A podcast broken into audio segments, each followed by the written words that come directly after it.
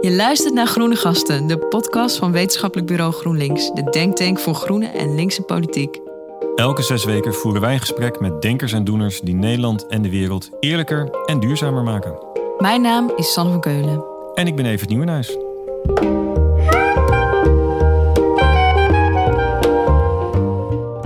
PVV en Forum zijn lange tijd ook gewoon een soort ja, proteststem geweest van mensen die eigenlijk geen andere stem hadden. Ik heb ook uh, de provinciale statenverkiezingen de vorige keer uh, veel over dit onderwerp geschreven. En toen, toen viel me ook op dat heel veel mensen zeiden van ja, er is gewoon geen alternatief. Ik moet wel op protest stemmen.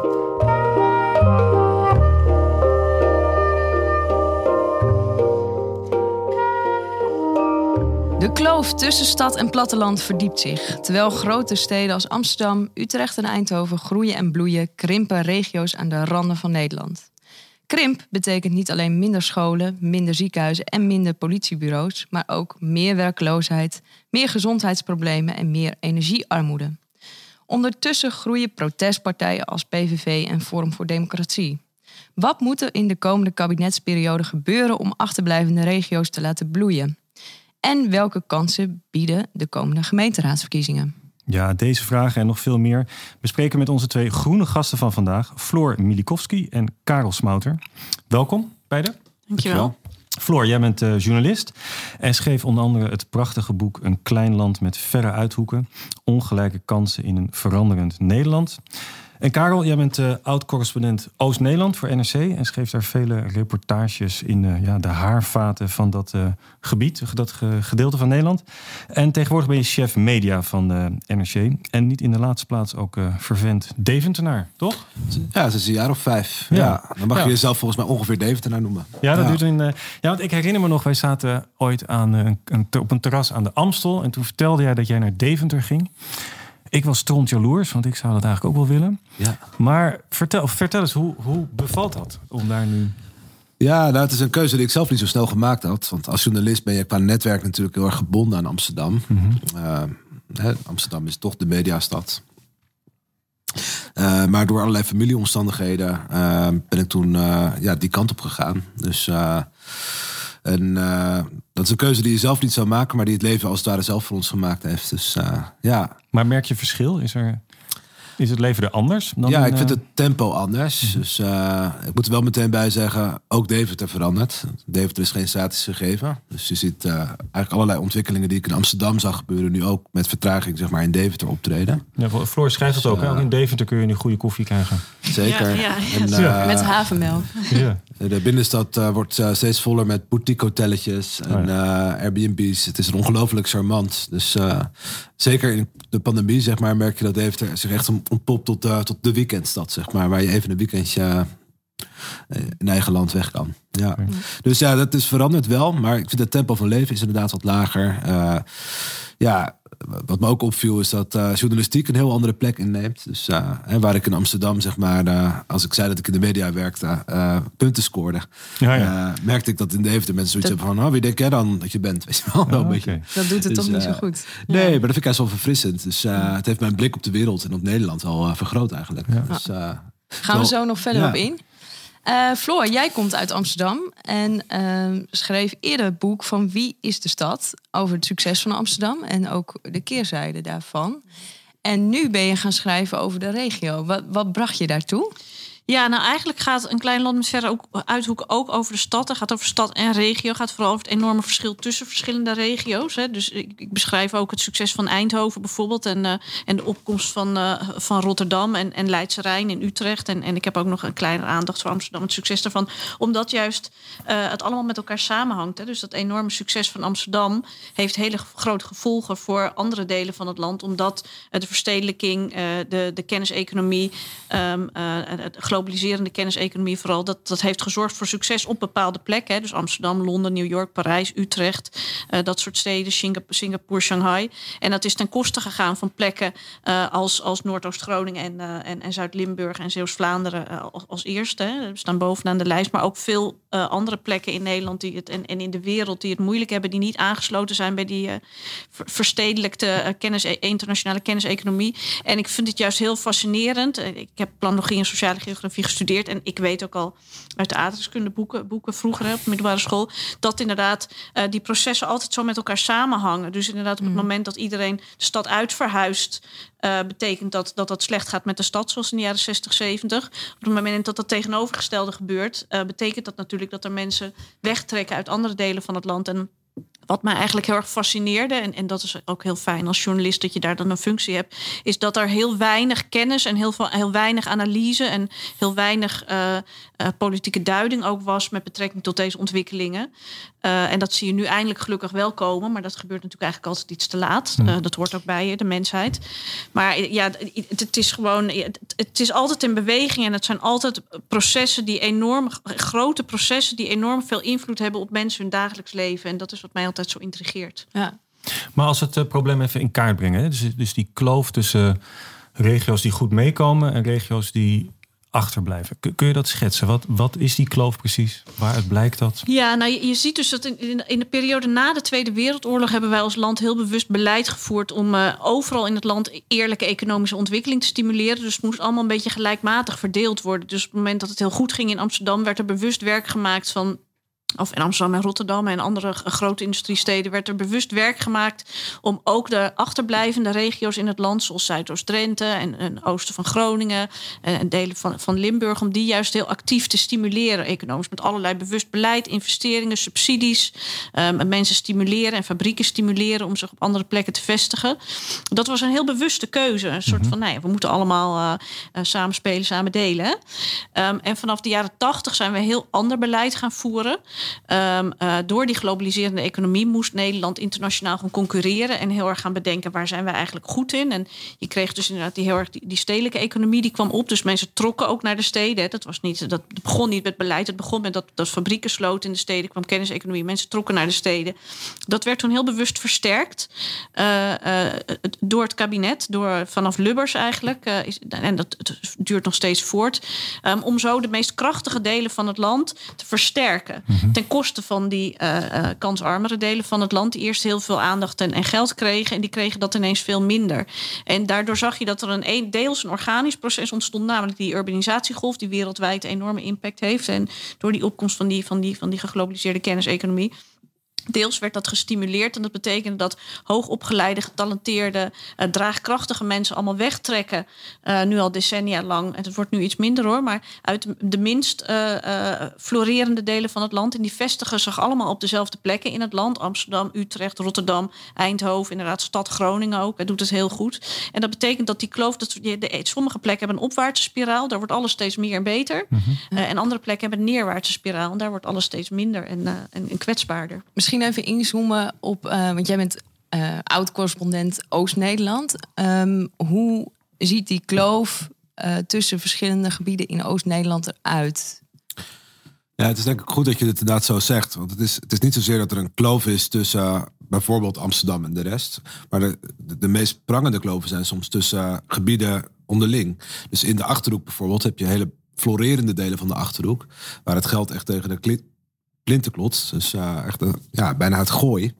Uh, en je hebt gebieden waar, waar eigenlijk al decennia sprake is van neergang. Dus en, nou ja, iets wat me ook wel opviel is dat mensen, uh, veel mensen die ik sprak als correspondent ook aangaven, ja, dat krimpnarratief, dat zijn we ook een beetje zat. Hè? We praten onszelf de krimp in. Dus uh, ze waren dat stempel van krimpregio's zat.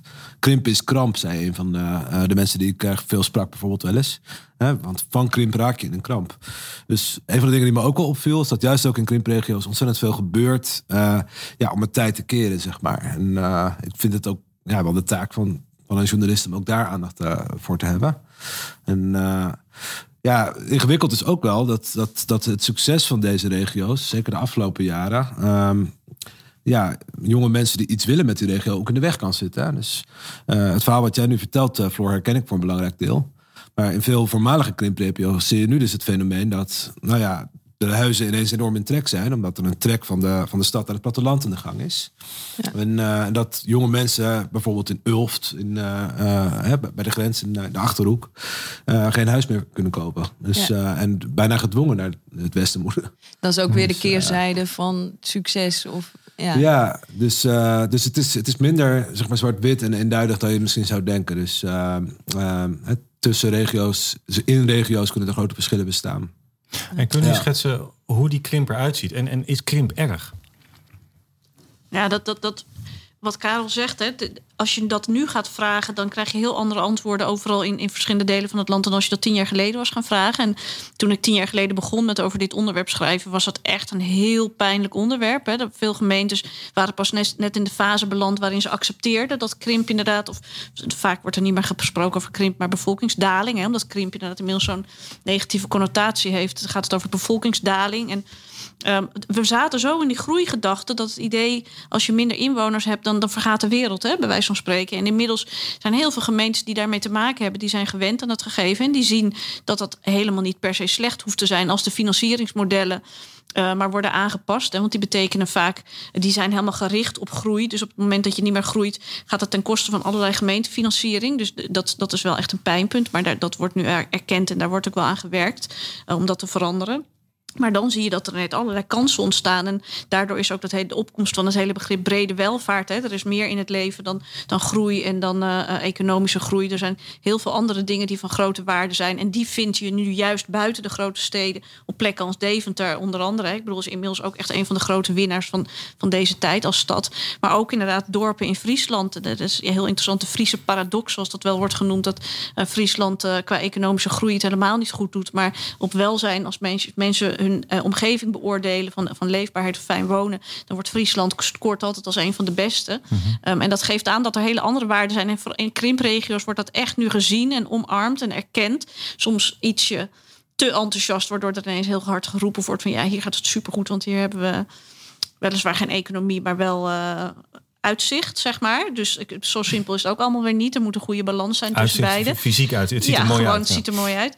Ehm, maar het is echt, ja, die krimp is het erg. Ja, dat hangt er vanaf of je er goed mee omgaat of niet. En het kan ook juist allerlei kansen bieden. Wat Karel zegt, mensen, uiteindelijk is er altijd een groep van pioniers, vrijdenkers, mensen die dingen willen doen, doeners, die op zoek zijn naar ruimte. En die vind je natuurlijk bij uitstek in krimpgebieden. Maar in jouw boek, boek lees ik ook duidelijk dat, dat daar nou juist geen beleid voor was, voor die krimp. Hè? Dus krimp is een gegeven. Wat, nou, wat, wat groeit kan ook weer een keer krimpen. Ja, Maar daar was niet genoeg aandacht Nee, voor om dat in goede Nee, en dat te vond ik, dat vond ik, het- wat ik net ook al zei, het, het verbaast me gewoon soms hoe weinig de mensen die eh, gaan over eh, het bestuur van dit land, hoe weinig die weten, hoe weinig kennis hebben van de dingen waarover ze iedere dag besluiten nemen. Mhm. Ehm, en ik was inderdaad bijvoorbeeld of je nou in Delfzijl bent of Zuid-Limburg, maar ook eh, in delen van de achterhoek. Hè, daar moet bijvoorbeeld enorm gesloopt worden, omdat er heel veel leegstand is, verouderde woningen, krimpende be- bevolking inderdaad.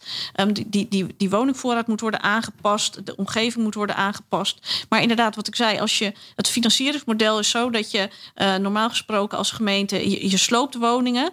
Eh, en dan geef je die grond weer uit voor nieuwbouw. En zo financier je dat model eigenlijk. Maar op het moment dat je geen nieuwbouw meer nodig hebt, of veel minder woningen, komt dat financieringsmodel in de klem. Heb je dus heel veel geld nodig om eh, verouderde leegstaande flats, woningen te slopen. Maar dat geld heb je niet, waardoor je vast komt te zitten. En dan denk je, nou ja, bij uitstek zou daar toch een rol liggen voor Politiek Den Haag om daar iets aan te doen. Hè?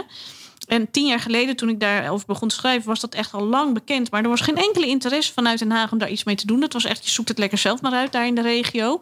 En inmiddels zijn daar fondsen voor opgericht en wordt er wel aan gewerkt om te zorgen dat elke regio inderdaad toch wel ondersteuning krijgt bij economische eh, nou ja, transities en het, en, het, en het verbeteren van die, van die brede welvaart. Eh, maar daar was echt, ja, krimp, zoek het lekker zelf uit. Eh, je gaat maar, je verhuist maar van een plek waar je het niet meer fijn wonen vindt. En als er geen werk meer is, dan ga je toch naar een stad waar wel werk is. Maar zo simpel is de mens niet. Want die blijft, de meeste mensen blijven gewoon het liefste wonen op de plek waar ze vandaan komen of daar dicht in de buurt. Ehm, en, en zeker in Nederland, weet je, in een land als Amerika is dat anders. Daar verhuizen mensen veel makkelijker achter hun werk aan. In Nederland niet, daar zijn we gewoon vrij gewortelde eh, types. En je dat- zag het al heel erg ook met die verplaatsing van die kazerne naar, naar Vlissingen. Dat mensen dan echt niet... Nee, dat het is echt nogal niet wat, hè, als dat voor je wordt besloten, inderdaad, van je gaat ineens verhuizen. Dus, dus dat is dat. En je merkt nu ook bovendien dat een hele jonge generatie die denkt: hoezo moet ik naar Amsterdam of Utrecht als Groningen, terwijl je daar helemaal geen woning kan krijgen. Ik blijf er liever waar ik vandaan kom, ook als ik wel universiteit of hogeschool heb gedaan. Dus daar is echt een kentering zichtbaar, omdat er inderdaad allerlei waardes nu worden herkend en erkend ehm, in bepaalde delen van het land die, die we eerst over het hoofd zagen. En eh, ook omdat er meer beleid is, maar dat neemt niet weg dat er echt plekken zijn die wel. eh, waar de problemen gewoon echt groot zijn. Wat mij nou nog wel puzzelt, want als we het in een breder perspectief eh, zien, dan ehm, zie je denk ik een beweging mondiaal waar verstedelijking eh, plaatsvindt. Dus hoe uniek is Nederland nu ehm, ten opzichte van andere landen hierin? Dat, ik weet niet of jullie Niet- daar een antwoord op uniek. kunnen geven. Maar, eh, en, en kun je daar dan ook als ehm, lokale of nationale bewindspersoon iets aan doen? Ja, ik even, is dan Karel aan de beurt. Maar eh, nee, eh, Nederland is helemaal niet uniek. En je ziet deze ontwikkelingen overal in de wereld. En je ziet ook dat die piek van de trek naar de stad op heel veel plekken eh, nu voorbij lijkt. En dat kan heus weer een nieuwe piek komen. Dat zegt niet dat er een enorme omkeer. Maar je ziet overal, ook als je kijkt naar de Verenigde Staten, waar New York, San Francisco, Los Angeles, Chicago krimpen al een tijdje. Dat was al voor corona het geval. Dat, dat is nu nog harder. Londen ook. En Parijs heeft het moeilijk. Berlijn heeft het moeilijk. En je ziet dat al kleinere steden in, in de Verenigde Staten zijn dat steden als Austin, eh, Denver, Colorado, Miami, eh, eh, Savannah. Dat, dat soort plekken. betaalbaarder, nog wat relaxter. Daar trekken mensen nu massaal naartoe. En bedrijven trekken daar ook weer achteraan, omdat die altijd op zoek zijn naar het jonge, slimme talent. Hè. En die kunnen de dure prijzen in die grote steden gewoon simpelweg niet meer betalen. Dus je ziet daar echt wel een beweging eh, die gaande is. En ik denk dat het eigenlijk, denk absoluut niet dat het, dat het tijdperk van de grote steden voorbij is. Maar wel dat er een soort van nieuwe balans gaat ontstaan. Waarin het niet meer alleen maar die paar grote steden zijn, maar een soort van iets gelijkmatiger speelveld wordt. Ja, parallel aan wat Floor ziet, is, eh, zie, je ook wat eh, de vorige Rijksbouwmeester, Floris Alkemade, de emancipatie van de periferie noemt. Hè? Dus een zeker zelfbewustzijn dat ontzettend aan het toenemen is in, in buitengebieden. In die delen van Nederland waarvan ja, de consensus eigenlijk lange tijd was van dat, dat is het vergeten achterland, bij wijze van spreken. Die mensen hebben natuurlijk ook de wind in de zeilen. Eh, eh, tijdens een lockdown zit eh, iemand in de Randstad zeg maar op drie ogen achter opgesloten met zijn gezin. En heb jij het rijk voor jezelf, bij wijze van spreken. En, en merk jij dat in Dus, jouw omgeving? Dat, Ja, wel een, een, een toenemend eh, gevoel van regionale trots de afgelopen jaren. Maar ook zeker een toenemend gevoel van... het is hier helemaal zo gek nog niet. Dus eh, waarom zouden we eigenlijk... eh, eh, het, het, de gedachte was decennia lang... als je het echte leven wil verkennen... als je vrijheid wil vieren, moet je naar Amsterdam. En nu zie je inderdaad, zoals Floor ook al zegt... dat ook jonge mensen zeggen van... ik blijf wel hier, want ik ben wel gek... als ik eh, voor duizend euro per maand eh, in Amsterdam probeer te gaan wonen. En eh, het is ook minder nodig natuurlijk. Dus eh, ik ben zelf eigenlijk een hele gelukkige eh, hybride werker, zeg maar, die de helft van zijn week vanuit huis werkt en de andere helft op kantoor in Amsterdam. Dus eh, dat zie je steeds meer mensen doen natuurlijk. Maar dat zelfbewustzijn zit natuurlijk ook in de politiek. Ehm, een van de interessantste verhalen die ik kon maken als correspondent als Nederland was eigenlijk het, het, het zien van de opkomst van eh, wat nu de boer-burgerbeweging heet. Dus ik ben toen eh, een keer met eh, ja, een, een toen nog totaal onbekende Caroline van der Plas naar de dag van het varken geweest in, op een boerderij ergens. En dat was eigenlijk haar eerste campagnedag, zeg maar. Ze nam mij mee om te laten zien ja, wat, wat haar mensen zeg maar, bezig hield. En eh, eh, nou ja, eh, toen ik haar op een gegeven moment vroeg van... eh, hoeveel kans denk je dat je maakt? Eh, zei ze, zeker acht zetels. En nu al bijna een jaar staat ze op acht zetels. Ja. Dus, eh, hoe dus- verklaar je dat? nou, ik denk dat zij heel goed aanvoelt dat het niet alleen die 50.000 boeren en hun bedrijven zijn die, die, die, die zich boos of bezorgd maken over de toekomst van, van, van de landbouw in Nederland. Maar dat, ja, dat die, die 50.000 mensen allemaal, nou ja, toch 8 à 12 mensen kennen, zoals ze zegt. Die allemaal wel enige sympathie hebben voor, dat, voor die manier van leven eigenlijk. Ehm, en eh, dat telt al met al natuurlijk wel behoorlijk op. Dus, eh, en zij is echt, ja, ze heeft zich een beetje opgeworpen als de, de stem van, van het achterland. En eh, doet dat met verven, dus hè, los van wat je ervan kunt vinden. Toen ik haar vroeg van wat, wat, wat inspireert jou nou, zeg maar. Zei die Caroline van der Plas ook. Ja, ik heb eigenlijk het meest naar Kick uit Zwarte Piet gekeken. Dus, Ja, ja, ja. eh, Maar, maar Eh, dit, die Caroline van der Plas kan ik dan volgen. Ja. Maar de opkomst van Forum voor Democratie en PVV, die zie je ook in. eh, Ja, dat is ook lange tijd verklaard vanuit de oude stadswijk. Hè? Dus eh Ja, maar- na Pim Fortuyn. Maar je ziet nu inderdaad dat de grote groei voor die partijen inderdaad zit in... Precies. in, in ja, en er zit wel een verschil tussen, Caroline van der Plas en, en Thierry Baudet. Dus als Thierry Baudet in Oost-Groningen of in andere randen van Nederland eh, groeit, zeg maar, dan denk je, wat, wat trekt ze? Wat is het? Ja, nou, de? Mhm. volgende gemeenteraadsverkiezingen worden interessant natuurlijk. Dan kunnen we gaan kijken in hoeverre er ook sprake is van grensverkeer tussen die verschillende partijen. Dus eh, ehm, ik vind het moeilijk om te zeggen. Ik denk dat het voor een deel hetzelfde electoraat is. Ik denk voor voor een ander deel zal het ook het oude CDA-electoraat zijn... dat de boer-burgerbeweging weet aan te spreken. Maar ehm, PVV en Forum ehm, ja, eh, zijn lange tijd ook gewoon een soort ja, proteststem geweest van mensen die eigenlijk geen andere eh, stem Ja. hadden. Ik heb ook eh, de provinciale statenverkiezingen de vorige keer eh, veel over dit onderwerp geschreven. En toen, toen viel me ook op dat heel veel mensen zeiden van ja, eh, er is gewoon geen alternatief. Ik moet wel op Baudet stemmen. Eh, eh, Baudet was ook de enige die in die verkiezingen in ieder geval voortdurend het land in ging. En in al die middelgrote gemeentes van, eh, nou ja, van Ede tot eh, en Barneveld tot, eh, nou ja, tot diep in de Achterhoek zijn gezicht liet zien. En, eh, Eigenlijk, ja. wat, wat mij wel opvalt, het beeld wat jullie nu schetsen, is dat het hè, door het hele land in sommige eh, gebieden goed gaat. ehm, en in sommige gebieden is er krimp of gaat dat minder goed qua economische groei, qua voorzieningen, et cetera.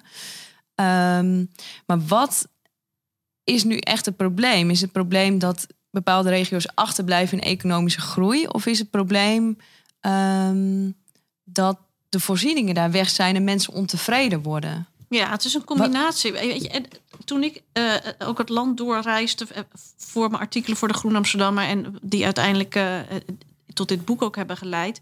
Mensen zijn zo boos en teleurgesteld in de Rijksoverheid. Gewoon zo diep teleurgesteld. En Ja. je voelt het echt aan alles hoor. Als, als jou de plek waar jij woont nooit bovenaan de aandachtspunten staat eh, van wat in de Tweede Kamer behandeld wordt. Als je elke keer weer ziet, ook nu de boosheid die je dan ook nu leest met het, met het groeifonds, hè, dat het nu ehm, weer bestaat, dat er dan weer zoveel geld naar Utrecht, mobiliteit, OV-verbindingen in Utrecht en Amsterdam gaat.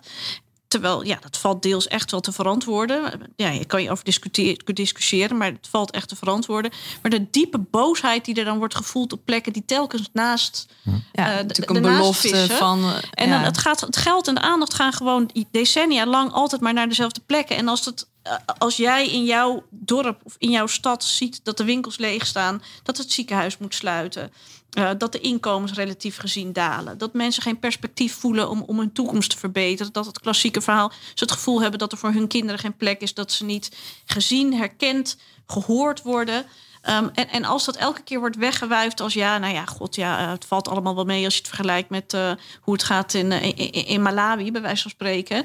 Daar word je gewoon heel boos en verdrietig van en, en diep teleurgesteld. En ja, dan krijg je op een gegeven moment die protestbeweging. En de laatste is natuurlijk ook die mooie, de atlas van, eh, van Afgehaakt Nederland, van Josse de Voogd en René Cuperus verschenen. En eh, ehm, een heel mooi artikel laatst in de Groen Amsterdammer van mijn collega Koen van de Ven over wat het doet met een, met een stad of een dorp als elke keer alles verdwijnt. Weet je, de ene keer is het een belastingkantoor, dan is het weer eh, een brug die je niet meer kan betalen omdat het gemeentefonds niet meer goed, eh, eh, eh, niet op een eerlijke manier uitkeert. En het is elke keer, dus, nee, de, de boosheid over Groningen. Het is gewoon op een gegeven moment de zoveelste druppel. Elke keer denk je, dit is de druppel, maar dan blijkt er nog een druppel. op een gegeven moment is het voor mensen gewoon genoeg. En, en dan moet je, wat, wat ik nu heel vervelend vind, en dat inderdaad voor mensen ineens heel veront, ver- verbaasd van, oh jeetje, is het dan zo erg? Denk ja, als je tien jaar geleden al was gaan praten en gaan kijken in die delen van het land waar je ook voor verantwoordelijk bent. Want je bent als Kamerlid of als ambtenaar of als minister of als minister-president niet alleen verantwoordelijk voor de plekken waar het goed mee gaat. Je bent verantwoordelijk voor elke straat en elke steen in het land.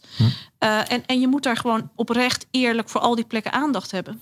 Ja, wat kan vertekenen is dat, dat het economisch goed kan gaan met de regio, maar dat je in cultureel opzicht toch het gevoel hebt dat je er niet bij hoort. En, eh, Ja. Ik heb het zelf eh, vaak over de mediakloof. Eh eh, Floor zei net, het gaat om geld en aandacht. En wat mij heel erg opvalt tijdens mijn reizen door Oost-Nederland, is dat, is dat dat tweede aandacht zo ontzettend belangrijk is voor mensen. Het gevoel van, ook mijn deel van Ik Nederland doe het doet toe. Ja. Eh, mijn manier van leven, onze manier van leven, eh, mag er net zo goed zijn als Ja. de manier van leven van iemand in Amsterdam. En eh, ja, als je dan simpelweg naar de feiten kijkt en gewoon vaststelt dat, dat echt vrijwel alle landelijke redacties met elkaar in één totaal niet representatieve stad zitten, Ja. dan is dat, als ik even puur naar mijn eigen beroepsgroep kijk, hè, de media, ook gewoon wel een probleem dat we over onszelf hebben afgeroepen. En, eh, ik denk dat veel van de dingen die, die Floor noemde, dat de afgelopen decennia, ja, krimpgebieden zo buiten beeld geraakt zijn, ook te maken hebben met, eh, met de totale afwezigheid van media op veel plekken. En, eh, ehm, dus daar, daar, daar, daar is zeker werk te doen. En alles versterkt elkaar daarin, Ja. denk ik. Ja, Ja. zeker. Maar het is niet alleen maar een economisch verhaal, denk ik. Dus, dus Nee. eh, je kunt welvarend zijn en toch het gevoel hebben, ik hoor er niet bij. Dus eh, dat zie je natuurlijk ook aan- de boeren en de boerenprotesten. Lang niet met elke boer gaat het nu op dit moment heel slecht. Maar het is wel zo dat, ja, als ze naar de politiek kijken, er over hun gepraat wordt in termen van, eh, nou ja, inkrimping, halvering, afschaffing. Ja. Dus eh, dat zijn de woorden die ze, die ze op hun boerderijen opvangen als het over hun gaat. Ja. Dus uh, nou, ik vind, interessant vind ik dus dat er een, een, een nou ja, een soort nieuwe assertiviteit uh, is. Nou ja, die assertiviteit hebben we natuurlijk de afgelopen jaren gezien met de tractoren op het Malieveld. Ehm, en nou ja, wat je zou hopen is dat dat ook leidt tot, uh, tot, tot betere representatie op zijn minst. Dus, uh... En waarom is dat eigenlijk zo laat pas opgemerkt? Want jij zei eerder aan het begin, Floor, van nou, het is echt wel uh, beleid. Nou, eerder is ook beleid gevoerd hè, om juist die regio's te laten bloeien. Um, ja, heb, hebben jullie daar een duiding van waarom het eigenlijk, uh, waarom we nu een beetje achter de feiten misschien ja, aanlopen? Zo klein als Nederland is, zo, zo, zo slecht lukt het uh, ons toch om ons te verplaatsen in de positie van anderen. Dus ik vond Groningen de afgelopen week ook weer een steengoed voorbeeld. Ja. Als je dan ziet dat, dat Groningen het in de Volkskrant en in de NRC, ook mijn eigen krant, moet doen met nou ja, de, ergens een pagina uh, uh, zes een keer of een pagina acht. Of een, uh, in het geval van de Volkskrant zelfs een heel klein berichtje. Terwijl er gewoon ruim 10.000 mensen de straat op gegaan zijn. En, um, dus je bedoelt dat fakkelprotest? Op de eerste dag, ja, dat was fakkelprotest. Ja. En, maar op de eerste dag van het nieuwe kabinet, toen het kabinet met het bordes stond. Nou ja, was Groningen in rep en roer. En we hebben er eigenlijk nauwelijks iets van gezien. Dus... Uh, Rutte zei zelfs nog, uh, mijn grootste nachtmerrie is dat zich nu een uh, stille ramp voltrekt zoals de toeslagenaffaire, nou, zonder dat we het door hebben. Terwijl daar in Groningen dat gaande was. Dat vond ik heel veelzeggend en heel typerend inderdaad. Dat, en, en waarom het ook volgens mij op geen tijd is voor Rutte om te gaan. Hij heeft ook echt heus goede dingen gedaan als minister-president. En, en, en je kan er honderdduizend dingen over zeggen. Maar je merkt gewoon dat er op een gegeven moment behoefte is aan iemand die meer gevoel heeft. Of aan een politiek die meer gevoel heeft voor al die verschillen in het land. En je zegt inderdaad, waarom hebben pas zo lang dat, dat erkend of daarop gereageerd. Er is heel lang, en dat geldt niet alleen voor, voor, voor regionale ontwikkeling of dat soort dingen. Um, uh, heel lang natuurlijk het geloof geweest van die trickle-down uh, gedachte. Hè? Dus als, je maar, als er op de Zuidas heel veel geld wordt verdiend of in Rotterdam, dan zijpelt die die welvaart die daar gecreëerd wordt, die zijpelt vanzelf wel door naar alle delen van het land. Maar door allerlei andere hervormingen, ontwikkelingen of wat dan ook, is dat gewoon helemaal niet gebeurd. En blijft het geld steeds meer natuurlijk hangen op de plek waar het verdiend wordt. Hè? En dat zijn ook allerlei keuzes die we bewust politiek hebben gemaakt. Maar daardoor is dat hele idee van inzet op een paar sterke gebieden en dan komt de rest van het land zal vanzelf meekomen. Uh, we hebben, het heeft lang geduurd voordat we durfden te erkennen dat dat werkt niet zo. En dat is natuurlijk helemaal die, die toenemende kritiek op het marktwerking en het neoliberale denken. Dat, we, dat er een algehele consensus was over dat gaat ons tot in het einde der tijden uh, het antwoord geven op alles. Hè, en, en steeds meer welvaart bieden. En dat blijkt dus niet het geval te zijn. Maar is dat, uh, weet je het over dat beleid, dat begrijp ik. Dat je zegt, daar kun je anders in kiezen. Maar je kan ergens in je boek schrijf je ook dat Amsterdam misschien wel meer verbonden is met New York dan met Delfzijl. En dat is ook wel een aspect van hoe mondiale economie nu werkt, zeg maar. En ik wil niet zeggen dat je daarbij moet neerleggen, maar het is wel heel moeilijk om als klein land dat te, te beïnvloeden. Dus kan dat ook anders dan? Kan dan een gemeente als Emmen of wel profiteren van die nou, je kan natuurlijk, ik bedoel, herverdeling is natuurlijk welvaart. Mm -hmm. Herverdeling is natuurlijk op zich een klassieke, klassieke kwestie. Je kan gewoon meer geld uh, uh, met allerlei soorten belastingen of wat dan ook. Uh, uit die rijke delen van het land halen en investeren in, ja. in, in minder rijke delen van het land. En daar moet je natuurlijk, je moet daar gewoon heel goed over nadenken wat je met elkaar wil. Maar het zijn politieke keuzes of je dat wel of niet doet. Ik bedoel, het was een politieke keuze, heel bewust, om dat geld dat in Amsterdam verdiend wordt ook weer in Amsterdam te investeren. Ja, dat, dat en het geld dat in, uit Groningen in, uit de grond wordt gehaald te investeren in de Randstad. Maar je kan ook ervoor kiezen om, uh, te, zoals nu, hè, de regio-deals die bestaan sinds um, uh, het, het, vorige kabinet, Rutte 3, heeft, is begonnen met de regio-deals. En dat zijn, was geloof ik in totaal 950 miljoen euro die uh, uh, verdeeld is in pakketjes aan regio's. Over regio's die concrete, duidelijke plannen hadden om de brede welvaart in die regio te versterken. En dat, kwam dan, dat moest dan echt een samenwerkingsverband zijn tussen gemeentes, provincie, maatschappelijke partners, bedrijfsleven, onderwijspartijen in die regio. Van hoe gaan wij voor de, voor de komende decennia. Op wat voor manier willen wij hier inderdaad de regionale ja. economie uh, optuigen met, met die brede welvaartsgedachte uh, in het achterhoofd. En dan zie je dat dat heel veel uh, effect meteen heeft. Hè? Dat dat echt leidt tot, nou ja, tot goede ideeën, tot duidelijke visies, tot goede belangrijke samenwerkingen. Ja, heb je daar een voorbeeld van? Ja, nou, hier... ik vind altijd wel een mooi voorbeeld. Noordoost-Friesland, um, bij Dokkum in die regio gaat het ook echt al lang niet goed. Veel, uh, nou ja, inderdaad, uh, krimp en, economisch verval en vergrijzing, ontgroening. Um, en daar hadden ze op een gegeven moment bedacht dat ze een nieuw dienstencentrum wilden gaan worden van de regio. Maar toen hebben gelukkig verschillende deskundigen ze overtuigd ervan dat er niet speciaal behoefte was aan een groot nieuw dienstencentrum in Noordoost-Friesland. Um, en toen is, is men in, nou ja, zijn er allerlei verkenningen geweest. En op basis daarvan is men tot de conclusie gekomen dat ze uh, aansluitend op de traditie en het verleden van die regio, dat ze wilden inzetten op uh, uh, bouwnijverheid, metaalindustrie, landbouw, hard werken waar ze daar trots op zijn en duurzaam toerisme. En daar zijn met lange overleg, want niet elke gemeente profiteert evenveel. Dus de ene gemeente heeft er meer baas bij dan de andere. Dus dat zijn altijd nou ja, best moeilijke afwegingen en keuzes die moeten worden gemaakt. Is er toch een heel mooi plan gekomen om daar inderdaad een campus, dus onderwijs richt zich dan op de arbeidsmarktontwikkeling die ze daar willen uh, creëren. Hè. Dus mhm. dan zorg je dat het onderwijs daar gaat aansluiten bij de ondernemers daar. En dan zorg je dat uh, dat allemaal samenwerkt en met elkaar samenhangt. En dat die gemeenten onderling niet meer met elkaar gaan concurreren, maar samenwerken. En dat leidt echt tot mooie ontwikkelingen, tot een soort van nieuw elan, tot, tot nieuw ja, trots en, en hoop en ja, positieve gevoelens en echt kansen. Het is geënt op lokale factoren. En, ja, en, en, daar is wel best wel consensus dat dat concept van die regio-deals verder moet worden uitgebreid. En nu is dat nog incidenteel, dus je krijgt voor een paar jaar geld en dat moet gewoon structureler worden. En dan zie je dat er overal in het land zijn er zoveel mogelijkheden en is er zoveel dynamiek en vitaliteit die benut kan worden. En daar moet je veel meer op in gaan zetten.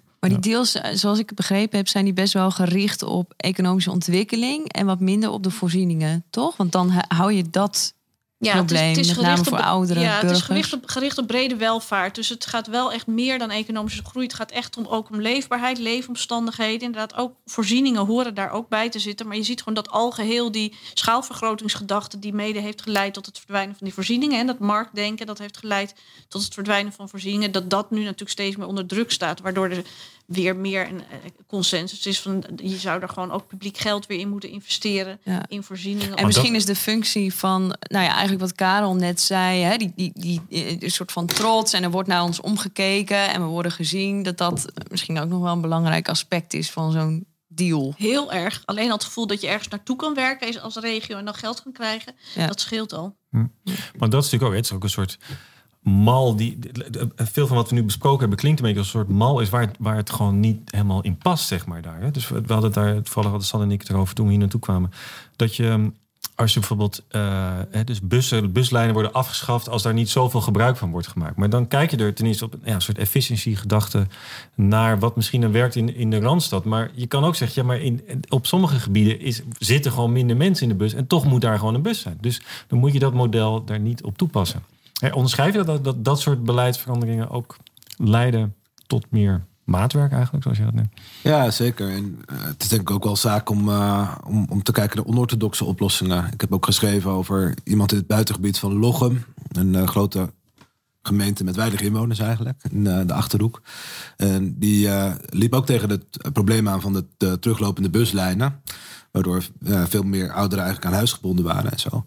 En die is eigenlijk een netwerk van elektrische auto's op gaan zetten. Ehm, die je al dan niet met chauffeur zeg maar, kunt gebruiken. Met een app erbij. En uh, ja, dat soort ontwikkelingen vind ik zelf heel fascinerend. En hm. het is best moeilijk om daar geld voor te krijgen, vertelde hij. Want uh, het lijkt niet op een bus, weet je wel. Ja, ja. Dus ja. Uh, dat werkt en, tegen de keer in hoor. Want de, de cultuur in de Achterhoek is toch heel erg dat je zelf een eigen auto moet hebben, zeg maar. Hm. Dus, maar dat zijn wel de, de, de, de kleine de kleine projecten waarvan je denkt van nou, dat zou best wel eens groter kunnen gaan worden. Uh, als de overheid er ook achter gaat staan. Hè? Dus ik denk dat het heel erg de taak is van de overheid om zeg maar al die kleine probeersels zeg maar, uh, te ondersteunen en te faciliteren. In plaats van, van van bovenaf allemaal dingen uit te rollen over de, over de, over de bevolking. Ja. Hm. Dus. Uh...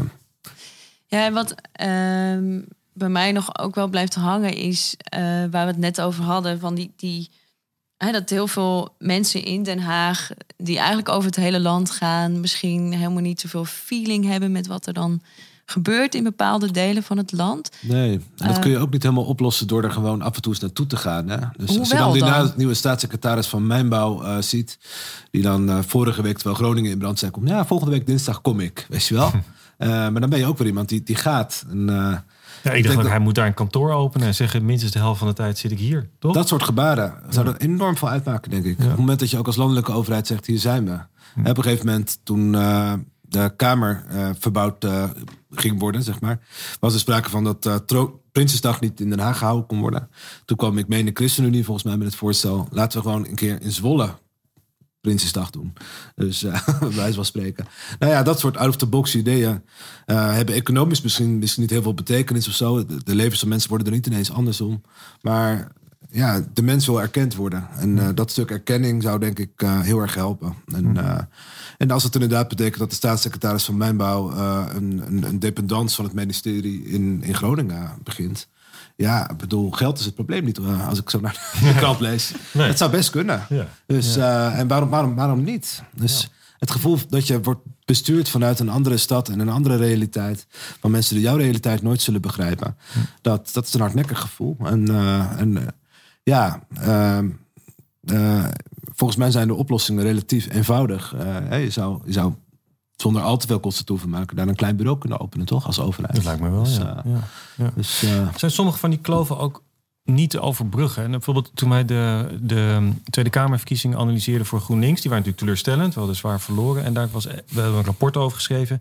En een van die dingen was ook dat er een kloof was tussen het verhaal wat GroenLinks vertelde en dat dat in de regio, zoals dat dan heette, gewoon niet, niet resoneerde. Dus als je het helemaal plat zou willen slaan, dan zou je kunnen zeggen: hè, de, de, de, de, hipster op moccasins en latte drinkend. En, en, en weet je, die waar GroenLinks als mee geassocieerd wordt, het werkt er niet. En ook op allerlei andere thema's. Of het nou over eh, de Zwarte Pieten discussies gaat of wat dan ook. Het, het, je krijgt daar geen ja, voeling mee, zeg maar. Of het, het resoneert niet. Is dat op te lossen? Of moet je, zijn daar, kun je daar varianten op hebben die zeggen van ja, maar dat is wel veel meer ja, politiek is in deze tijd ook wel heel erg verbonden met mensen. Hè? En GroenLinks van Jesse Klaver is toch een stedelijke partij van jonge stedelingen. Ja. En staat dat in de weg dan? Um, ja, ik, nogmaals, ik ben een journalist. Ik stel vooral vragen. Dus ik ben geen politicoloog die het heeft uitgezocht. Dat zeg ik er meteen bij. Maar gewoon op grond van, van mijn veldwerk als journalist kan ik wel zeggen dat dat, dat het imago is van GroenLinks. En of dat terecht is of niet, dat, dat, dat, dat doet er dan haast niet toe. Maar in de beeldvorming is het de partij van mensen die heel goed weten hoe het met de toekomst van de landbouw moet. Heel goed weten met welke kant het met de wereld moet gaan. Maar zelf nooit met, uh, met, met, met hun luizen op, op het erf van, uh, van een boer lopen. Dus het zou denk ik heel erg helpen als bijvoorbeeld ja, een, charismatische biologische boer, er zijn er heel veel van, uh, ja, hoog op de lijst komt bij GroenLinks. Dan is er een identificatiefiguur waar, waar, waar mensen wel kunnen zeggen van hé, hey, uh, dat is iemand die, die kent onze realiteit. Ja. Dus, zou je die diversiteit ook moeten nastreven. Ja, ja even, toen ik over de boerenprotesten schreef in 2019... viel me op dat er ook een aantal echt hardcore biologisch dynamische boeren... mee naar het Malieveld gingen. Terwijl ik eigenlijk op een gegeven moment aan ze vroeg van... maar jij bent toch van de natuur en, en, en, en stikstof is inderdaad toch ook in jouw ogen een probleem. Ze zeiden van ja, maar zo moet het niet. De manier waarop hier over, over de hoofd van een hele beroepsgroep... eigenlijk een probleem van ons allemaal op het bordje van één beroepsgroep gegooid wordt.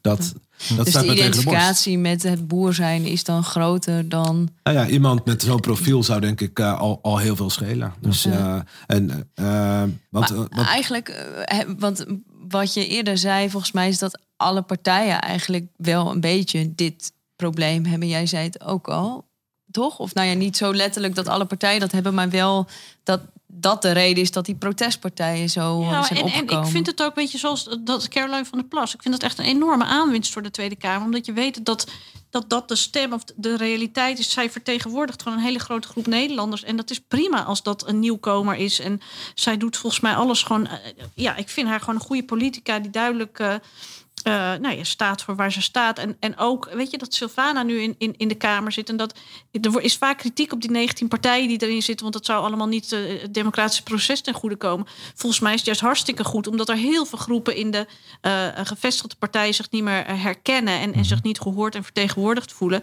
En er zal heus weer door allerlei fusies of wat dan ook zal het aantal, of zullen er wegvallen, zal het aantal van 19 weer minder worden. Maar ik denk dat het op, op zich op dit moment wel een realistische weerspiegeling is van de samenleving. Hè? En dat je ook, weet je, zoals BBB niet zal ambiëren om, om een heel groot stedelijk electoraat aan te boren, hoef je misschien als GroenLinks ook niet te ambiëren om allerlei uh, uh, enorme boerengebieden uh, aan te boren. En moet je ook misschien erkennen dat je gewoon een partij bent van een specifieke groep en daar zo goed mogelijk voor wil staan. En ik vond het heel interessant. Ik las laatst een artikel, oud artikel uit de Groene van volgens mij 1998 geschreven door uh, Aart Brouwer. En die, dat was destijds een kwestie van Frits Bolkestein. Die had een, die kluste bij. Die had, geloof ik, stond bij, die, die was commissaris bij DSM, geloof ik, of zoiets. Dat kon niet meer. Um, commissariaten mochten niet meer voor Kamerleden. Terwijl het bleek, ik geloof dat toen een derde van de Kamerleden, ook PvdA en CDA en weet ik wat allemaal, die hadden allerlei dat soort nevenfuncties. En dat werd tot dat moment eigenlijk gezien als iets goeds. Want je stond gewoon met je poot in de samenleving. Ja, ja, ja. Dus je vertegenwoordigde gewoon een specifieke groep. De een de boeren, de ander de ondernemers, uh, de ander de arbeiders, uh, de ander nou, de, de stad of, of een bepaald dorp of een bepaald gebied. En dat werd meer als een waardevolle situatie gezien. En Aart Brouwer schreef toen al, ja, anders krijg je op een gegeven moment een soort van homogeen type politicus die iedereen tevreden moet houden, maar dan verdwijnt de inhoud. En ik heb het gevoel dat we dat, en dat is misschien ook met, met GroenLinks een beetje een probleem, niet of juist de kracht. Hè. Het is heel erg inderdaad juist, ja, de stedelijke elite voelt zich daardoor aangesproken, hè, of, of de niet-stedelijke, maar wel een bepaald progressieve linkse elite. Um, en dat is ook, hoeft ook helemaal niet erg te zijn. En misschien moet je ook stoppen met z'n allen met ambiëren uh, dat je iedereen tevreden houdt. Want dat, dat kan niet. We zijn verschillender dan we vaak willen erkennen. En dat is juist ook de kracht van een, van een vrije samenleving, denk ik. Jawel, tegelijkertijd denk ik dat ook de groene zaak, hè, wat toch misschien wel de kern van GroenLinks is, uiteindelijk gebaat is bij, ja, bij minder polarisatie. Dus bij betere gesprekken tussen boeren en burgers bijvoorbeeld. Ik zou een heel groot voorstander zijn van. Uh, ja, boer-burgerberaad zeg maar, in elke stad. Dus, uh, want elke stad heeft ook een aantal uh, dorpen in zijn, of in zijn omgeving zitten... die, die, die heel uh, direct ook verbonden zijn met die stad. En als je burgers onderling samen laat praten over, ja, over waar het heen moet... met, met het klimaat, met, met stikstof dan kun je denk ik hele interessante oplossingsrichtingen uh, ophalen, zeg maar. Die, uh, die je als uh, traditionele vertegenwoordigende democratie misschien mist. Dus ik steun heel erg David van Rijbroeks pleidooi hè, om met burgerberaad de ja, nieuwe vormen van democratie te Daar hebben we ook een hele podcast aflevering. Die ga ik luisteren. Ja. ja. en, um, maar wat, wat mij wel opvalt is dat we hebben het nu veel over boeren. Er zijn natuurlijk ook Um, ja, is het issue ook niet veel meer dat gewoon die ongelijkheid tussen arm en rijk in Nederland zoveel is gegroeid? En um, kijk, daar staat een partij als GroenLinks en natuurlijk ook andere linkse partijen wel heel erg voor om dat op te lossen. En dat hangt hier ook mee samen zou je zeggen, toch? Nee, absoluut. En, en de ongelijkheid en, en die kloof, die zie je dus inderdaad gewoon op alle schaalniveaus. Hè. Ik bedoel, binnen een gemeente heb je de, de rijke en de arme steden en dorpen. En binnen een stad of een dorp heb je de arme en de rijke uh, buurten. En dat is uh, nou, heel erg groter geworden, dat verschil de afgelopen decennia. Door het corporaties zijn allemaal hun goede woningen gaan verkopen. Of de in de goede buurten zijn gaan verkopen. En die in de minder goede buurt hebben ze behouden. En de inkomensgrens heeft ervoor gezorgd dat mensen in de sociale huurwoning echt lage inkomens zijn. En vaak nog ook met allerlei complexe problemen erachter. Dus je hebt een enorme, uh, ja, grote verschillen zijn er ontstaan op allerlei, uh, langs allerlei grenzen. En daar hebben we ook, ook daar weer, en, het stoort me vaak dat er zo cynisch wordt gedaan van ja, dit is allemaal ons overkomen. Het zijn allemaal bewuste politieke keuzes gemaakt. Mhm. Die we als samenleving, waar we als samenleving collectief voor verantwoordelijk zijn. En als we het anders willen, moeten we het collectief anders gaan doen. En dat betekent niet dat ik in mijn eentje een andere stem. Uh, maar dat betekent wel dat als we uh, ja, die, die, polarisatie tegen willen gaan, die ongelijkheid tegen willen gaan, willen werken aan een weer gedeelde toekomst waarin iedereen zich gehoord en gezien voelt en het gevoel heeft dat er plek voor hem of haar is. Ja, dan zullen we gewoon op een andere manier weer moeten gaan kijken. Ik denk echt ook naar die samenleving gaan kijken. Inderdaad, wat Karel net al zei, niet van bovenaf allerlei. Uh, dingen gaan uitrollen. Maar gewoon weer eens oprecht gaan kijken overal in, in, de, in, in, in de straten van het land. Van wat is hier nodig? Wat gaat hier mis? Eh, wat moeten we doen om, om de problemen hier te verhelpen? En, en dat is heel erg op maat per plek. Maar dat begint met oprechte aandacht. Hm. En, en hoe belangrijk is. Um de rol van individuen erin. Ik moet eraan denken, uh, in je boek beschrijf je verschillende dingen, onder andere over Emmen, waar het net niet lukte, en in Eindhoven, waar het heel goed lukte. En uh, zeker in het geval van Eindhoven was misschien een burgemeester die daar een cruciale rol in speelde. Kun je daar iets over vertellen? Hoe, als je terug gaat naar Want dat, daar, daar wil het ook een beetje over hebben. Wat je op lokaal niveau kan doen. Ook in het oog van de gemeenteraadsverkiezingen. Hoe kan je daar een verschil maken? Ja, het, het verschilt zeker. En een individu kan heel belangrijk zijn. En je zou zelfs kunnen zeggen dat in Emma het geval was dat doordat er een aantal individuen waren die zo ontzettend geloofden in uh, Emma Wildlands als oplossing voor de toekomst. Dat, dat het was een daar van de grond een groot waar eh, dierenpark. tientallen miljoenen. Ja, dus je ziet dat, eh, kijk, Eindhoven was begin jaren 90 bijna failliet. Eh, Philips werd helemaal ge- ge- gedecimeerd eigenlijk. De, verreweg de meeste banen verdwenen toen naar lage lonenlanden. Eh DAF ging failliet en de gemeente stond echt op het rand van een faillissement.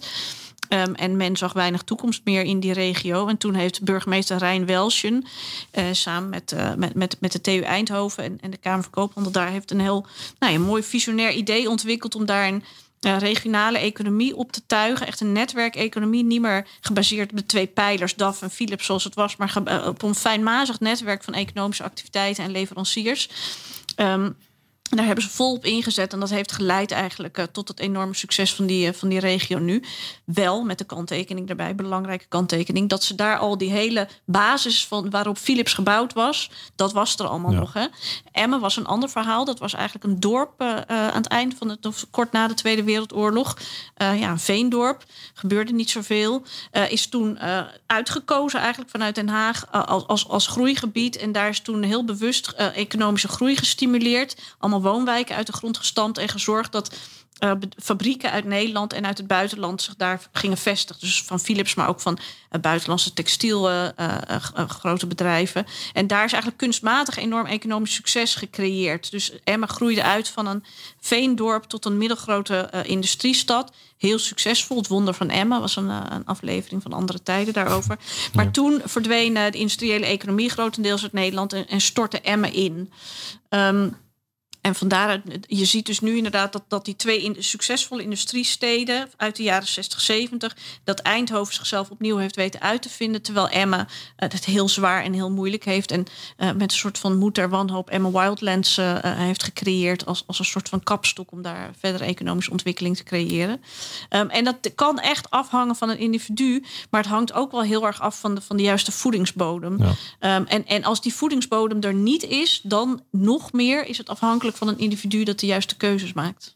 Zie je nou ook in jouw regio, in het meer eh, hè, rondom Deventer of het oosten van het land, eh, plekken waar ja, individuen of hele visionaire eh, wethouders het wel voor elkaar krijgen?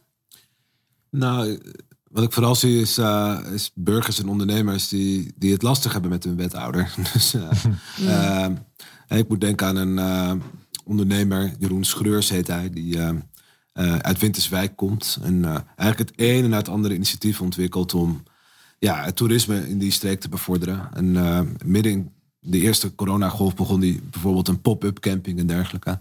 Dus dat zorgt voor ontzettend veel dynamiek. Hij heeft een, een oude school heeft hij omgebouwd tot woningen voor, voor winterswijkers die geen eerste woning konden kopen. Ehm, maar wat hij mij vertelde is eigenlijk eh, en dat, eh, dat hij mazzel had met, met, met, met één wethouder inderdaad in Winterswijk die hem hielp. Maar dat hij op heel veel andere plaatsen uiteindelijk gewoon teleurgesteld raakte.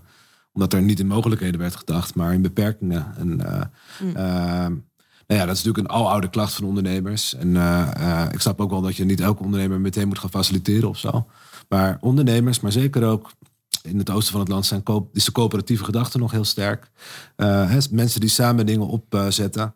Ehm, dat als het ware faciliteren, mogelijk maken als overheid. Daar zit denk ik veel meer in dan dat je ehm, zelf als wethouder jezelf op het zadel helpt en zegt van eh, kijk, dus ik heb een masterplan, dit gaan we allemaal doen, bij wijze van spreken. Eigenlijk Maar eh, gewoon kijken waar zit de energie, waar zit Ja. de kracht en dat groter maken als overheid. In plaats van dat je eh, er een ego-project voor jezelf van maakt, bij wijze van spreken. Ik denk dat dat ook een deel van het geheim van Eindhoven was. Is dat ze niet op één paard, maar op dertig paarden tegelijk werden. Dus eh, ja. Ja, nou, we gaan. eh, mooi gesprek zo. En we gaan eh, richting afronding. Maar wat we natuurlijk vooral willen weten van jullie is. Ja, eigenlijk is er weinig zeker in dit leven.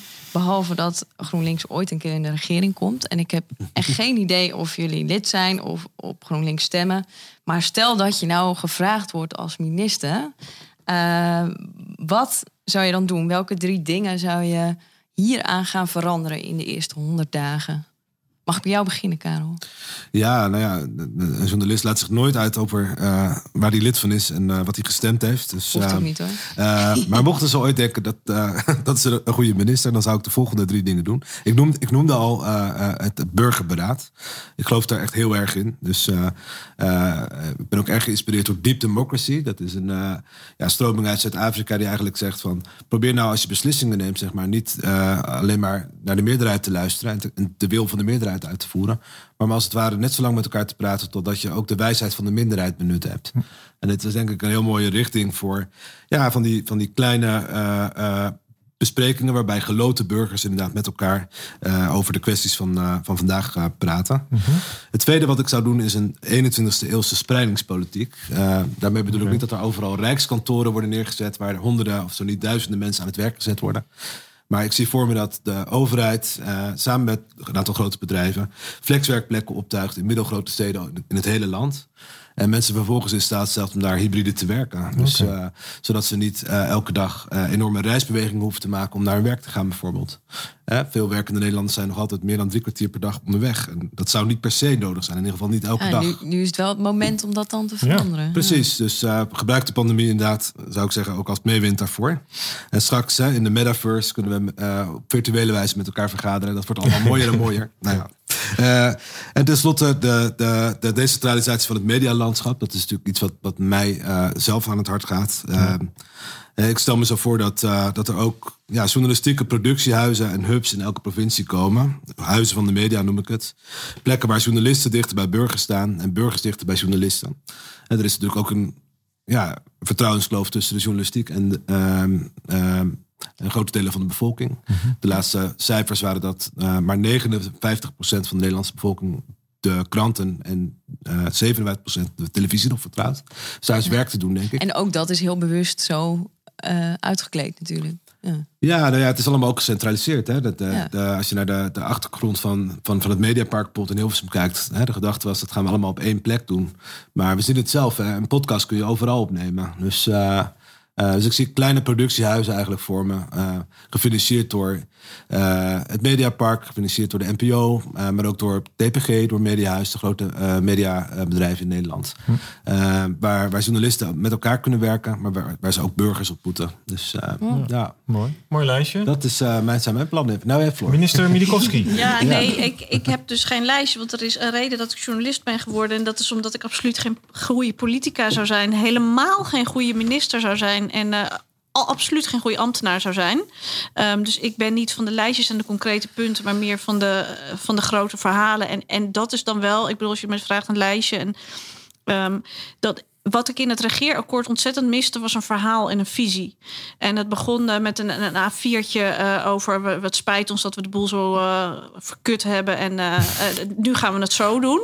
En er zat geen enkel contact met de samenleving. En, en als ik iets gemerkt en geleerd heb de afgelopen jaren in, in al mijn werk als journalist overal in het land, is dat er zoveel ideeën, kennis en visie is overal in het land. Zoveel dynamiek, ondernemerschap, goede wil om de dingen te verbeteren en te veranderen. En in elk dorp en in elke stad zijn er volop mogelijkheden en mensen die daar um, het verschil kunnen maken. Um, en, en wat ik vooral zou willen zeggen is uh, aan, een, aan een kabinet of aan een nieuwe minister. Nee, Hugo de Jong is denk ik niet de man van de visies. Um, maar uh, bedenk waar we naartoe willen als land. Want alleen als je weet waar je met z'n allen naartoe wil, kan je daar goed gericht beleid op maken. En uh, Mariana Mazzucato heeft daar het hele mooie boek uh, Moonshot over geschreven, de, de econoom over. De, en ze begint het Moonshot vanwege het, het, verhaal van de reis naar de maan, hè, de maanlanding. Als je een idee hebt, als je grootse ambities hebt, dan kan je vanzelf van daaruit omarm die ambitie met z'n allen en gaan van daaruit werken aan de toekomst. En dan kan iedereen daarin zijn rol vinden en zijn rol pakken. En, en, en als je dat over de, de, problematiek waar we nu over gesproken hebben. Hoe zou die missie er dan uitzien, zoals uh, Matsukato dat noemt?